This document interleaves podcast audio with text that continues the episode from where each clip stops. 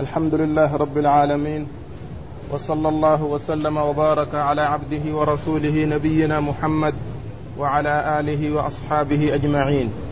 قال الإمام النسائي رحمه الله باب ذكر الاستتار عند الاغتسال. وقال أخبرنا مجاهد بن موسى قال حدثنا عبد الرحمن بن مهدي قال حدثني يحيى بن الوليد قال حدثني محل بن خليفة قال حدثني أبو السمح رضي الله عنه أنه قال كنت أخدم رسول الله صلى الله عليه وسلم فكان إذا أراد أن يغتسل قال ولني قفاك فأوليه قفاي فأستره به. بسم الله الرحمن الرحيم. الحمد لله رب العالمين وصلى الله وسلم وبارك على عبده ورسوله نبينا محمد وعلى آله وأصحابه أجمعين. أما بعد يقول النسائي رحمه الله ذكر الاستتار عند الاغتسال. يعني هو الاستتار عن أعين الناس. وكونه يكون في مكان آه، قد استتر عنهم. وقد أورد النسائي رحمه الله في هذه الترجمة حديث أبي السمح خادم رسول الله صلى الله عليه وسلم ورضي الله تعالى عنه الذي يقول فيه إنه كان يخدم رسول الله صلى الله عليه وسلم فكان إذا أراد أن يغتسل قال ولني, ولني ظهرك فيوليه ظهره فيستتر به ويغتسل. فأبو السمح رضي الله عنه يذكر أن الرسول عليه الصلاة والسلام يطلب منه أن يجعل آه ظهره إليه بمعنى أنه يكون اتجاهه إلى جهة أخرى ويكون الرسول صلى الله عليه وسلم وراء ظهره يستتر به.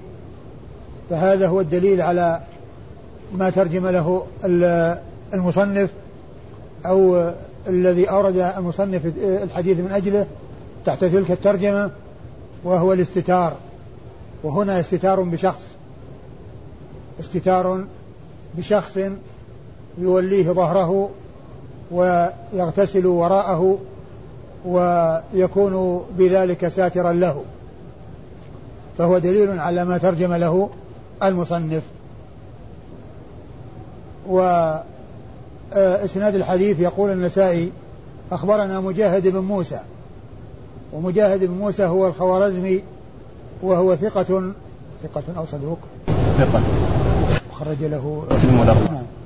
وهو ثقة خرج له مسلم وأصحاب السنن الأربعة مجاهد بن موسى الخوارزمي الختلي آه، ثقة خرج حديثه مسلم وأصحاب السنن الأربعة. عن عبد الرحمن بن مهدي وعبد الرحمن بن مهدي هو الإمام المشهور الحجة المحدث آه الذي خرج حديثه أصحاب الكتب الستة وقد مر ذكره فيما مضى وقد مر ذكره فيما مضى وهو أحد الشخصين اللذين قال عنهما الذهبي أنهما إذا اجتمعا على جرح شخص فهو لا يكاد يندمل جرحه وهما يحيى بن سعيد القطان وعبد الرحمن بن مهدي وهما من طبقة شيوخ شيوخ أصحاب الكتب الستة. من طبقة شيوخ شيوخ أصحاب الكتب الستة أعني عبد الرحمن بن مهدي ويحيى بن سعيد القطان. عن حدثني يحيى بن الوليد. حدثني يحيى بن الوليد. ويحيى ابن الوليد هذا آه من يروي عنه؟ يروي عنه عبد الرحمن؟ لا وهو يعني يروي عن محل بن خليفة. محل بن خليفة يروي عن من؟ عن أبو السمع عن أبو السمع يحيى ابن الوليد وش قال عنه؟ وقال الطائي أبو الزعراء. لا وش قال عنه؟ لا بأس به. إيه، دال سين قاف. اي نعم. يحيى بن الوليد كنيته أبو الزعراء وهو طائي وقد خرج حديثه أبو داود والنسائي وابن ماجه وقال عنه الحافظ في التقريب لا بأس به. وقال عنه الحافظ في التقريب إنه لا بأس به. يحيى بن وليد الطائي كنيته أبو الزعراء وهو ممن خرج له أبو داود والنسائي وابن ماجه لم يخرج له الشيخان ولا الترمذي. وقال عنه الحافظ في التقريب إنه لا بأس به. عن محل نعم. عن محل ابن خليفة الطائي أيضا.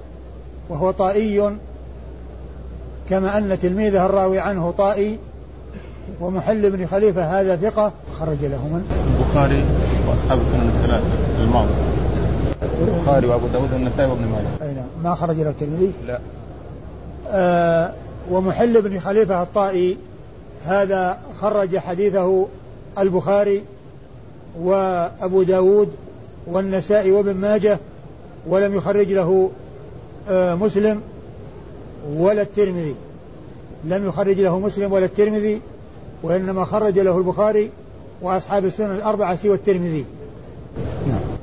عن أبو السمح. عن أبي السمح. وأبو السمح هذا هو خادم رسول الله صلى الله عليه وسلم كما جاء في الحديث نفسه وهو أنه يحكي أنه كان يخدم النبي صلى الله عليه وسلم وقد وله حديث واحد وله آه، حديث واحد وهو هذا الحديث وقد خرج وقد خرجه له أبو داود والنسائي وابن ماجه. يعني حديثه عند أبي داود والنسائي وابن ماجه إلا أنه بعضهم يذكره مفرقا وبعضهم يجمعه. وهذا جزء من حديث له أو جزء من حديثه أو بعض حديثه. وأبو داود رواه عنه بأطول من هذا وقال إنه كان يخدم الرسول صلى الله عليه وسلم وأنه كان إذا أراد أن يغتسل قال ولني ظهرك فيوليه ظهره ثم يستتر به ويغتسل وقال إنه جاءه مرة آه، حسن أو حسين فوقع في جلس في حجره فبال ف آه، يعني قال إنه يرش من بول الغلام ويغسل من بول الجارية. قال أخبرنا يعقوب بن إبراهيم عن عبد الرحمن عن مالك عن سالم عن أبي مرة مولى عقيل بن أبي طالب عن أم هانئ رضي الله عنها أنها ذهبت إلى النبي صلى الله عليه وسلم يوم الفتح فوجدته يغتسل وفاطمة تستره بثوب فسلمت فقال من هذا؟ قلت أم هانئ. فلما فرغ من غسله قام فصلى ثماني ركعات في ثوب ملتحفا به. ثم أورد النسائي حديث أم هاني وهي بنت أبي طالب أخت علي بن أبي طالب رضي الله تعالى عنهما واسمها قيل فاختة وقيل هند وهي لها أحاديث ذكر في الخلاصة أن عدتها ستة وأربعون حديثا وأن البخاري ومسلم اتفقا منها على حديث واحد. وهذا الحديث آه هو هذا الحديث. هذا الحديث الذي معنا وهو حديث آه وهو حديث آه إخبارها بمجيئها إلى النبي صلى الله عليه وسلم عام الفتح وأن فاطمة كانت تستره بثوب. وهنا ذكر مختصر. وقد أورده البخاري في بعض المواضع مطولا وفي بعضها مختصر. وفي بعضها أن النبي عليه الصلاة والسلام قال مرحبا بأم هاني مرحبا بأم هاني. لما سأل عنها وقيل إن قيل من هذه؟ قالت أم هاني. قال مرحبا بأم هاني. ف آه، الحديث طويل. وقد أورده البخاري كما ذكرتم في مواضع من فيها ما هو مطول ومنها ما هو مختصر والنسائي هنا أورده مختصر والمقصود منه ذكر الاستتار عند الاغتسال وذلك أن النبي عليه الصلاة والسلام كان يغتسل وابنته فاطمة رضي الله عنها تستره بثوب وابنته فاطمة رضي الله تعالى عنها تستره بثوب وهو يغتسل. وهذا هو المقصود من إيراد الحديث هنا في ذكر الاستتار عند الاغتسال. لأن النبي عليه الصلاة والسلام كان يستتر بثوب وكانت تستره بذلك ابنته فاطمة وكان وهو إذ ذاك يغتسل صلوات الله وسلامه وبركاته عليه. فهو دال على ما ترجم له المصنف من حيث أن فيه آه الاستتار عند الاغتسال. لأن النبي عليه الصلاة والسلام كان آه، كان يغتسل وفاطمة تستره بذلك الثوب. فلما جاءت وسلمت قال من هذه؟ في بعض الروايات من هذا يعني الشخص. فقالت أم هاني. جاء في بعض الروايات أنه قال مرحبا بأم هاني. ثم إنه لما فرغ من اغتساله آه، جاء وصلى ثمان ركعات وكان ذلك في وقت الضحى. فمن العلماء من قال إن هذه الركعات الثمان أنها سنة الضحى وأن الرسول صلى الله عليه وسلم صلى سنة الضحى ثمان ركعات ومنهم من قال إنها إن, أن هذه بسبب الفتح وأن وأنها شكر لله عز وجل على ما حصل له من الفتح. والنووي في صحيح مسلم ترجم بترجمة فقال فأشار يعني آه، إلى هذا الحديث الذي أورد الذي أورده مسلم عقد ترجمة فقال بيان آه، سنة الضحى وفضلها وأن أقلها ركعتان وأن أكملها ثمان ركعات وأن وأن وسطها أربع أو ست أربع أو ست. واثنتان أقلهما وثمانية والثمان أكمله أكملها. أي أكمل سنة الضحى. فمن العلماء من قال إن هذا دليل على سنة الضحى وأن الرسول صلى الله عليه وسلم فعلها. وكان ذلك ضحى وكان صلى ثمان ركعات. وكان صلى ثمان ركعات. ومنهم من قال غير ذلك.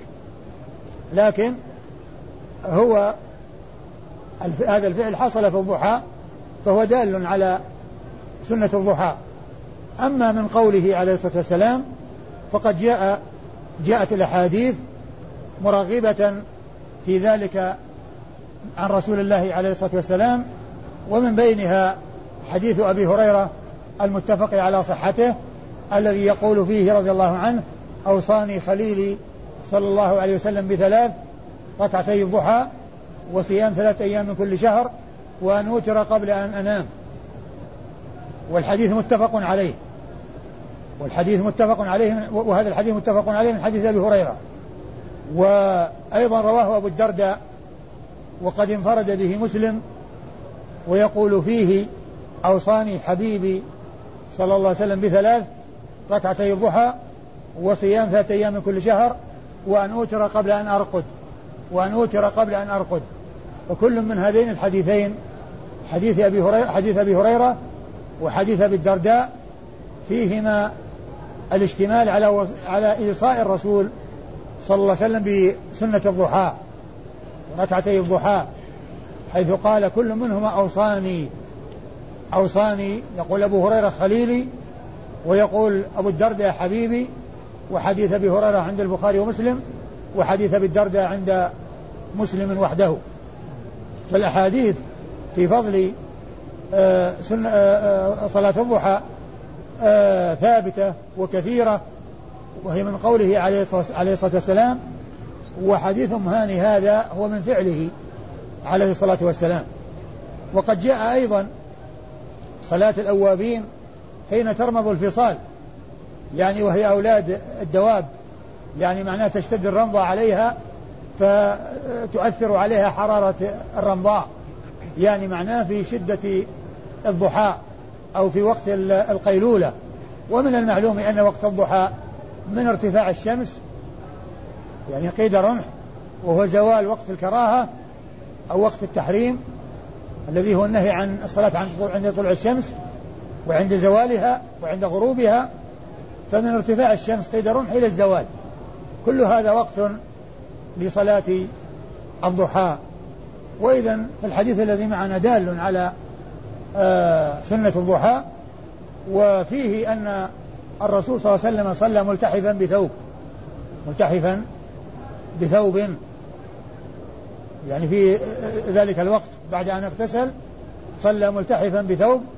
تلك الثمان الركعات التي قيل إنها آه، سنة الضحى.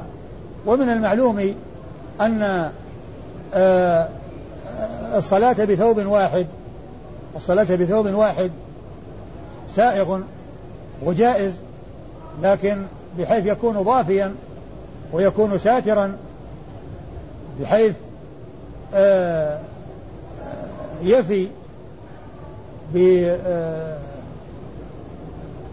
يفي بجسم الإنسان.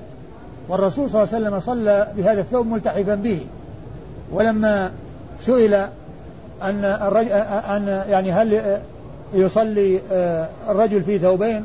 قال أو كلكم أو كل يجد ثوبين. يعني معناه أنه ما فيه الصلاة بثوب واحد. هذا هو الأصل والغالب لأن ما كل يستطيع أن يجد ثوبين. ما كل يستطيع أن يجد ثوبين ففيه الصلاة بالثوب الواحد لأن آه، أم هاني قالت إنه صلى بثوب ملتحفا به. وإسناد الحديث؟ ثم أيضا فيه جواز الكلام من المغتسل.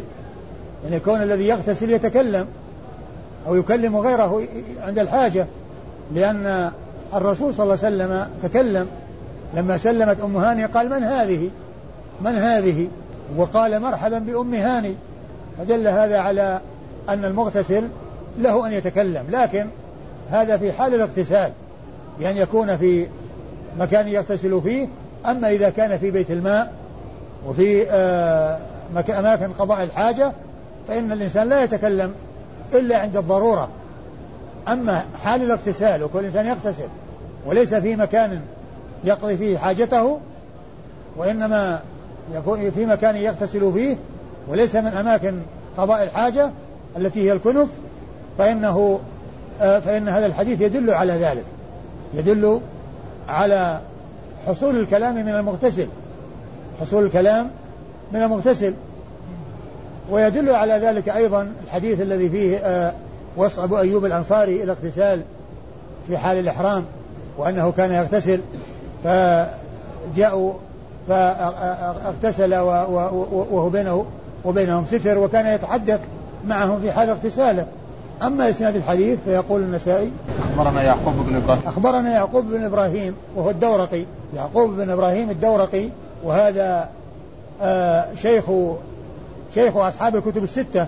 قد مر أن أنه آه روى عنه أصحاب الكتب الستة مباشرة. و وأن ممن وافقه في ذلك محمد بن مثنى ومحمد بن بشار. هؤلاء الثلاثة كل منهم روى عنه أصحاب الكتب الستة مباشرة بدون واسطة. وهم الثلاثة من صغار شيوخ البخاري لأنهم ماتوا في سنة واحدة.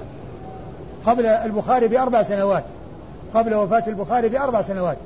فهم من صغار شيوخه يعقوب بن إبراهيم الدورقي ومحمد بن بشار بن دار ومحمد بن المثنى الملقب الزمن فهؤلاء الثلاثة ماتوا في سنة اثنتين وخمسين ومئتين أي قبل وفاة البخاري بأربع سنوات فهم من صغار شيوخه. يعني الذين هم مقاربون له في السن. أما كبار شيوخه فهم الذين أدركهم في حال صغره وماتوا وهو صغير وروى عنهم وأخذ عنهم. فهذا فهؤلاء يقال كبار شيوخه. الذين أدركهم في أواخر حياتهم وفي أول حياته وروى عنهم وماتوا فهؤلاء كبار شيوخه والذين كانوا قريبين منه في السن وفي الوفاة هؤلاء يقال لهم صغار صغار شيوخه ومنهم محمد بن بشار ومحمد بن مثنى ويعقوب بن إبراهيم الدورقي الذين كانت وفاتهم جميعا قبل وفاة البخاري بأربع سنوات. وهو ثقة ثقة ثبت خرج حديثه أصحاب الكتب بل أصحاب الكتب بل أصحاب الكتب تلاميذ له يعني رووا عنه مباشرة لهم أصحاب الكتب الستة. البخاري ومسلم وأبو داود والترمذي والنسائي وابن ماجه كلهم رووا عنه مباشرة. عن عبد الرحمن. عن عبد الرحمن وهو بن مهدي. عبد الرحمن بن مهدي وقد تقدم في الإسناد الذي قبل هذا. عن مالك. عن مالك ابن أنس إمام دار الهجرة الإمام المحدث الفقيه صاحب المذهب المشهور أحد المذاهب الأربعة المشهورة التي هيئ لها من يقوم بتدوينها والعناية بها فحفظت واشتهرت وانتشرت ولم يحصل لغيرها من المذاهب التي هي مثلها ولكنها ما هيئ لها من يقوم بالعناية بها من حيث جمعها وتدوينها ونشرها والتأليف فيها هذه المذاهب الأربعة حصل لها آه ما لم يحصل لغيرها من مذاهب الفقهاء الذين اشتهروا بالفقه واشتهروا بالعلم. فأبو فالإمام مالك رحمة الله عليه آه أحد أصحاب المذاهب الأربعة المشهورين وحديثه عند أصحاب الكتب الستة. عن سالم. عن سالم وسالم هو أبو النضر. أحيانا يأتي ذكره باسمه كما هنا وأحيانا يأتي بكنيته أبو النضر. فأبو النضر هو سالم. سالم بن أبي أمية. سالم بن أبي أمية مشهور بكنيته أبو النضر. يأتي بكنيته كثيرا ويأتي باسمه أحيانا كما هنا. وقد ذكرت فيما مضى أن من فوائد معرفة كن المسمين أن لا يظن الشخص الواحد شخصين. إذا ذكر مرة باسمه ومرة بكنيته مثل هنا سالم أبو النضر. سالم أبو النضر وأبو كريب محمد بن العلا. أحيانا يقال أبو كريب وأحيانا يقال محمد بن العلا. وأمثال هؤلاء الذين اشتهروا بكناهم ولهم أسماء فمعرفة كناهم كنى أصحاب الأسماء فائدتها ألا يظن الشخص الواحد شخصين فيما إذا ذكر مرة باسمه ومرة بكنيته. وسالم أبو النضر هذا آه ثقة خرج حديثه أصحاب الكتب الستة. عن عن أبي مرة مولى. عن أبي مرة مولى عقيل بن أبي طالب. عقيل بن أبي طالب وقيل إنه مولى هانئ أم هانئ بنت أبي طالب. قيل إنه مولاها وقيل إنه مولى أخيها عقيل ابن أبي طالب وهو ثقة خرج حديثه أصحاب الكتب. خرج حديثه أصحاب الكتب الستة. عن أم هاني وأم هاني هي قيل فاختة وقيل هند. ابنة أبي طالب وذكرت أن لها أحاديث عدتها ستة وأربعون حديثا. اتفق البخاري ومسلم على إخراج حديث وهو هذا الحديث الذي معنا لأنه متفق عليه. أخرجه البخاري وأخرجه آه مسلم. وحديثها عند أصحاب الكتب الستة. وإذا فإسناد هذا الحديث كلهم ممن خرج له أصحاب الكتب الستة. يعقوب بن إبراهيم الدورقي عبد الرحمن بن مهدي مالك بن أنس آه أبو النضر سالم بن أبي أمية آه أبي مرة آه مولى أم هاني وقيل إن اسمه إياد اظن ذاك أبو السمح الذي مر قيل أن اسمه إياد.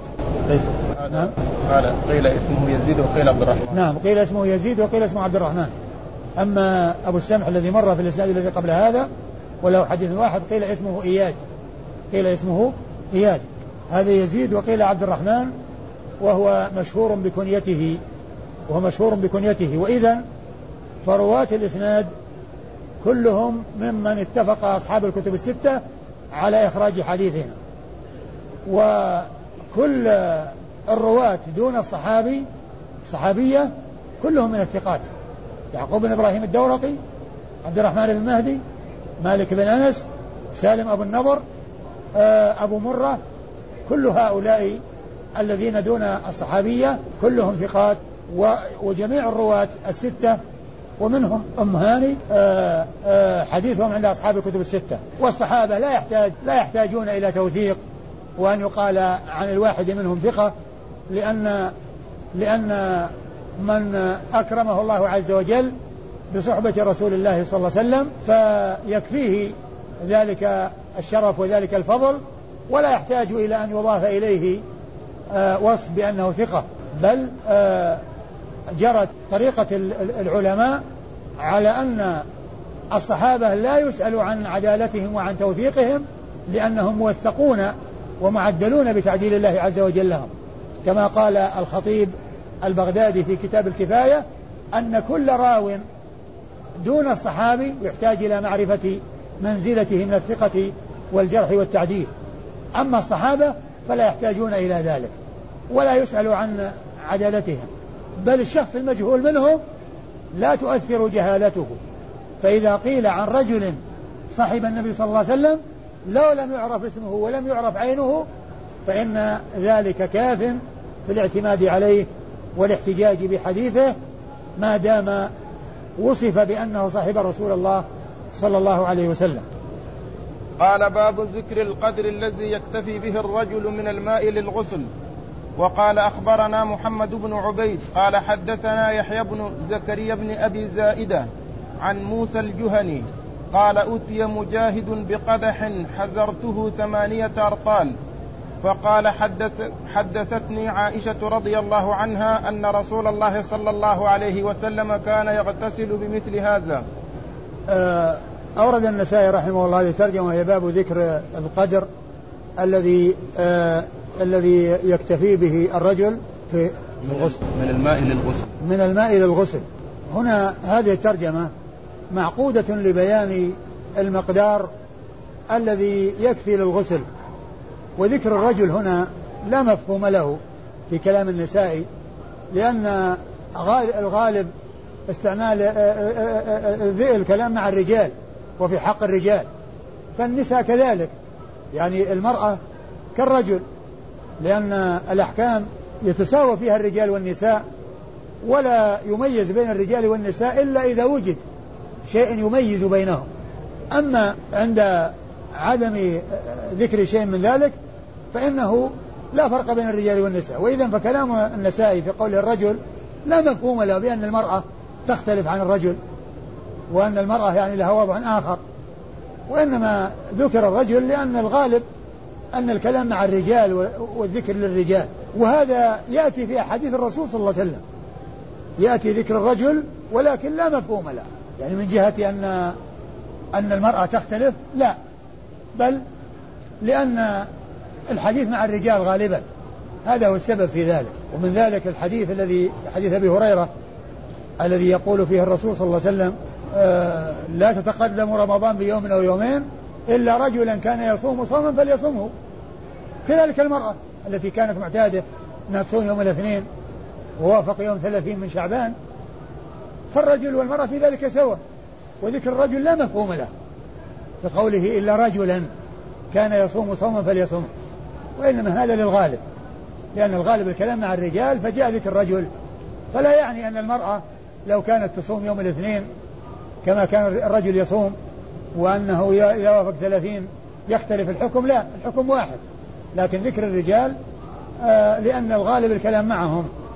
فإذا ذكر كلام النسائي هنا ذكر الرجل لا ليس المقصود منه آه تعيين آه الجنس وأن هذا حكم يخص جنس الرجال دون جنس النساء هو إنما ذكر الرجل للغالب. كون الكلام مع الرجال في الغالب. وقد أورد النسائي في ذلك عدة أحاديث في هذه الترجمة.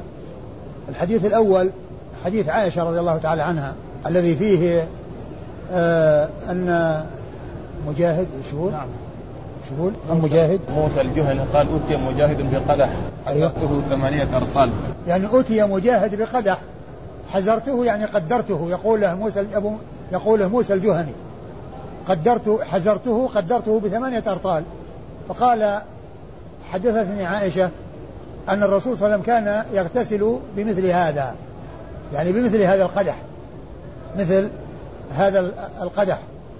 وقد جاء في أحاديث أن الرسول كان يتوضأ بالمد ويغتسل بالصاع. ويغتسل بالصاع. والصاع أربعة أمداد. والصاع أربعة أمداد. و ال ال وكان يغتسل بأكثر من هذا. يعني جاء في بعض الروايات اغتساله بما يزيد على الصاع. لكن المعروف من عادته والغالب من استعماله أنه كان يغتسل بالصاع. وهنا يقول موسى الجهني أن مجاهد يعني ابن جبر أتي بقدح آه، حزرته يقول موسى الجهني آه، ثمانية أبطال فقال إن عائشة حدثتني أن الرسول الله صلى الله عليه وسلم كان يغتسل بمثل هذا. وإسناد الحديث أخبرنا محمد بن عبيد. أخبرنا محمد بن عبيد. ومحمد بن عبيد هذا هو المحاربي. محمد بن عبيد هو المحاربي وهو صدوق خرج حديثه آه من؟ خرج؟ أبو داود والترمذي والنسائي. أبو داود والترمذي والنسائي. أبو داود والترمذي والنسائي أي خرج له أصحاب السنة الأربعة ما عدا ابن ماجه. ما عدا ابن ماجه لم يخرج له ولم يخرج له الشيخان البخاري ومسلم. حدثنا يحيى بن زكريا. يحيى بن زكريا بن أبي زائدة. وهذا ثقة آه، متقن خرج حديثه أصحاب الكتب الستة. عن؟ عن موسى الجهني. عن موسى الجهني وقيل هو ابن عبد الله وقيل ابن عبد الرحمن الجهني وهو ثقة.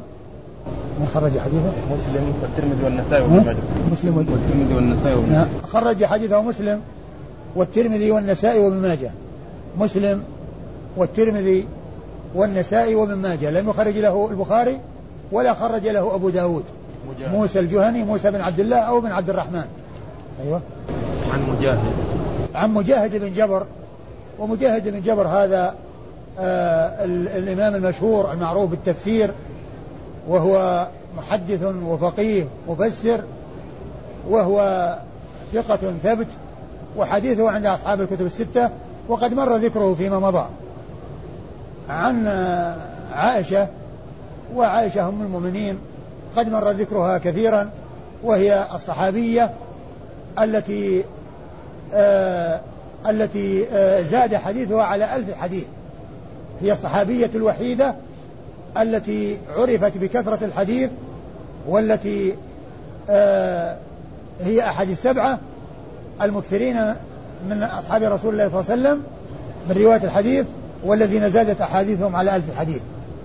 أيوة. قال أخبرنا محمد بن عبد الأعلى قال حدثنا خالد قال حدثنا شعبة عن أبي بكر بن حفص قال سمعت أبا سلمة يقول دخلت على عائشة رضي الله عنها وأخوها من الرضاعة فسألها عن غسل النبي صلى الله عليه وسلم فدعت بإناء فيه ماء قدر صاع فسترت سترا فاغتسلت فأفرغت على رأسها ثلاثة ثم أورد آه النسائي آه رحمه الله حديث عائشة أيضا الذي فيه أن أن من هو اللي دخل سلمة. أن أبا سلمة بن عبد الرحمن بن عوف دخل عليها هو وأخوها من الرضاع فسألوها عن فسألها أخوها عن غسل رسول الله صلى الله عليه وسلم فدعت بصاع إيش فدعت؟ فدعت بإناء فيه ماء قدر صاع إيه، فدع فدعت بإناء فيه ماء قدر صاع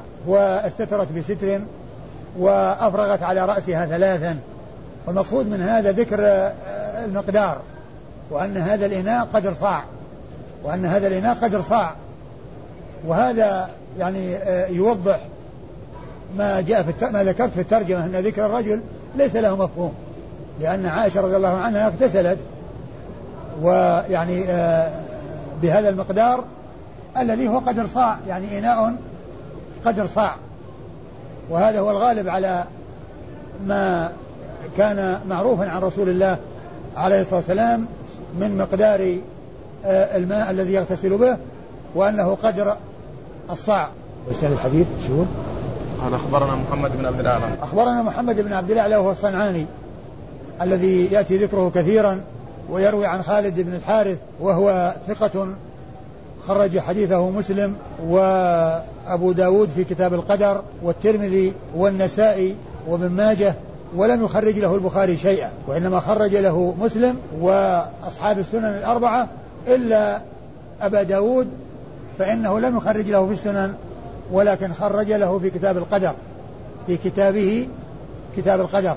عن خالد بن الحارث وهو ثقة حديثه عند أصحاب الكتب الستة.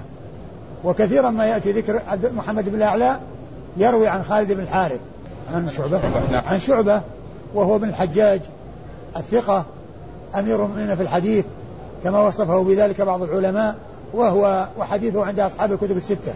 عن أبي بكر بن حفص. عن أبي بكر بن حفص وأبو بكر آه ابن آه أبو بكر بن حفص هو عبد الله. عبد الله بن حفص. عبد الله بن حفص بن عمر. عبد الله بن حم... بن حفص بن عمر بن سعد بن أبي وقاص. ابن سعد بن أبي وقاص. وهو ثقة خرج حديثه اصحاب الكتب الستة. يروي عن أبي سلمة. يروي عن أبي سلمة هو ابو سلمة بن عبد الرحمن بن عوف. وهو ثقة حديثه عند أصحاب الكتب الستة. وهو أحد الفقهاء السبعة على أحد الأقوال في السابع. وهو أحد الفقهاء السبعة في المدينة على أحد الأقوال في السابع منهم. الذي هو يعني السابع. قيل أبو سلمة بن عبد الرحمن هذا وقيل أبو بكر بن عبد الرحمن بن الحارث بن هشام وقيل سالم ابن عبد الله ابن عمر بن الخطاب. فأبو سلمة بن عبد الرحمن هذا هو أحد الفقهاء السبعة على أحد الأقوال الثلاثة في السابع من الفقهاء آه، السبعة. وحديثه عند أصحاب الكتب الستة. عن عن عائشة نعم. بعد. قال أخبرنا قتيبة بن سعيد قال حدثنا الليث عن ابن شهاب عن عروة عن عائشة رضي الله عنها أنها قالت كان رسول الله صلى الله عليه وسلم يغتسل في القدح وهو الفرق وكنت أغتسل أنا وهو في إناء واحد. ثم ذكر النسائي حديث عائشة رضي الله عنها أن النبي صلى الله عليه وسلم كان يغتسل بالقدح وهو الفرق وكانت تغتسل هي وإياه هي وإياه في إناء واحد يغترفان منه جميعا يأخذ بيده وتأخذ بيدها وتتعاقب أيديهما عليه فهو دال على آآ آآ يعني هنا ليس فيه ذكر اللفظ الموجود ليس فيه ذكر المقدار ليس فيه ذكر لكنه قال إن أنه قدح هو الفرق. يعني أنه في تلك الحدود التي هي ال ال الذي المقدار الذي يغتسل به. وقالت وكانت تغتسل هو إياه في إناء واحد. وهذا فيه دليل على على اغتسال الرجل وأهله من إناء واحد تتعاقب أيديهم عليه وأنه لا لا بأس بذلك. وأن وأنه لا مانع منه. ففيه آه ذكر مقدار الاغتسال ما يكون به الاغتسال وأيضا اغتسال الرجل وأهله من إناء واحد تتعاقب أيديهم عليه. قتيبة؟ نعم. والإسناد عن قتيبة قتيبة بن سعيد الذي يأتي ذكره كثيرا وحديثه عند أصحاب الكتب الستة ويروي عن الليث والليث هو بن سعد المصري الثقة المحدث وحديثه عند أصحاب الكتب الستة. عن عروة. نعم. عن ابن شهاب. عن ابن شهاب الزهري وهو آه المحدث الفقيه آه الذي آه روى عنه أصحاب الكتب الستة وقد جاء ذكره كثيرا ومشهور بنسبته إلى جده شهاب وإلى جده زهرة. فيقال الزهري ويقال, ويقال ابن شهاب وهو محمد بن مسلم. الذي مر ذكره كثيرا عن عروة بن آه، الزبير وهو أحد الفقهاء السبعة وهو ثقة حديثه عند أصحاب الكتب الستة عن, عن عائشة. عن عائشة.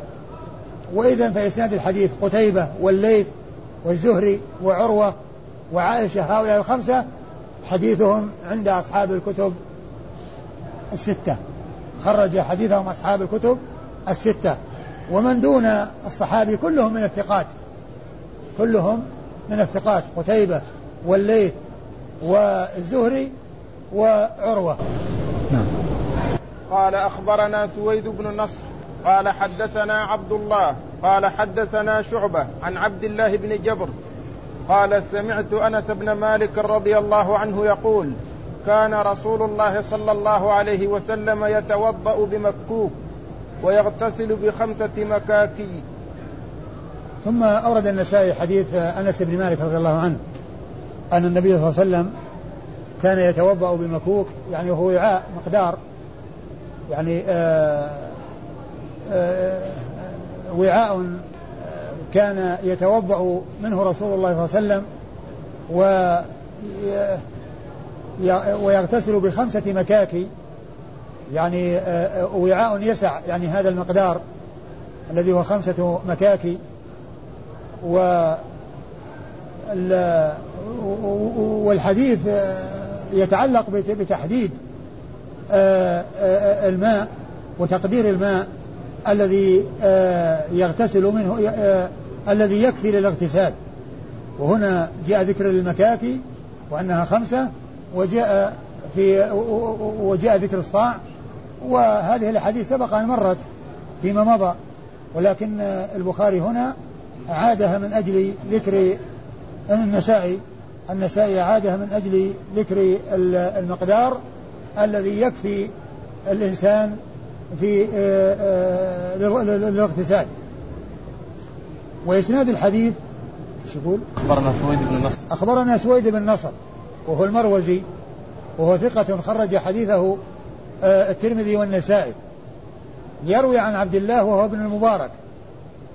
وإذا جاء عبد الله غير منسوب يروي عنه سويد بن نصر فالمراد به عبد الله بن المبارك ويقولون عن سويد بن نصر إنه راوية عبد الله بن المبارك يعني ومعناه إنه إذا أهمل عبد الله ولم ينسب والراوي عنه سويد بن نصر فهو محمول على عبد الله بن المبارك فهو راويته والمشهور بالرواية عنه فإذا يحمل عليه وعبد الله بن المبارك آه، أحد الأئمة آه، محدث آه، مشهور قال عنه الحافظ في التقريب إنه ثقة جواد مجاهد وذكر جملة من صفاته وقال جمعت فيه خصال الخير.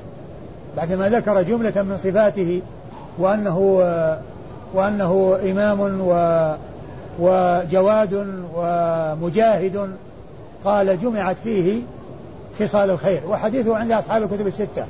وقد مر ذكره كثيرا لا سيما عند ما يأتي سويد بن نصر فهو يروي غالبا يعني عن عبد الله هذا اللي هو من المبارك عن عن شعبة. عن شعبة بن الحجاج وقد تقدم في الإسناد قبل هذا. عن عبد الله بن جبر عن عبد الله بن جبر وقد تقدم هو عبد الله بن عبد الله بن جبر وقيل عبد الله بن جابر ويقال بن جبير وهو ثقة حديثه عند أصحاب الكتب الستة. ثقة ولا مقبول؟ لا ثقة. عبد الله صلى الله عليه وسلم والذين جمعهم السيوطي بقوله والمكثرون في رواية الأثر أبو هريرة يليه بن عمر وأنس والبحر كالخدري وجابر وزوجة النبي. فأنس رضي الله تعالى عنه أحد السبعة الذين زادت أحاديثهم على ألف حديث فهو من المكثرين ومن الملازمين لرسول الله صلى الله عليه وسلم وقد مر ذكره كثيرا في الأحاديث الماضية. والله تعالى أعلم وصلى الله وسلم وبارك على عبده ورسول نبينا محمد وعلى آله وأصحابه أجمعين.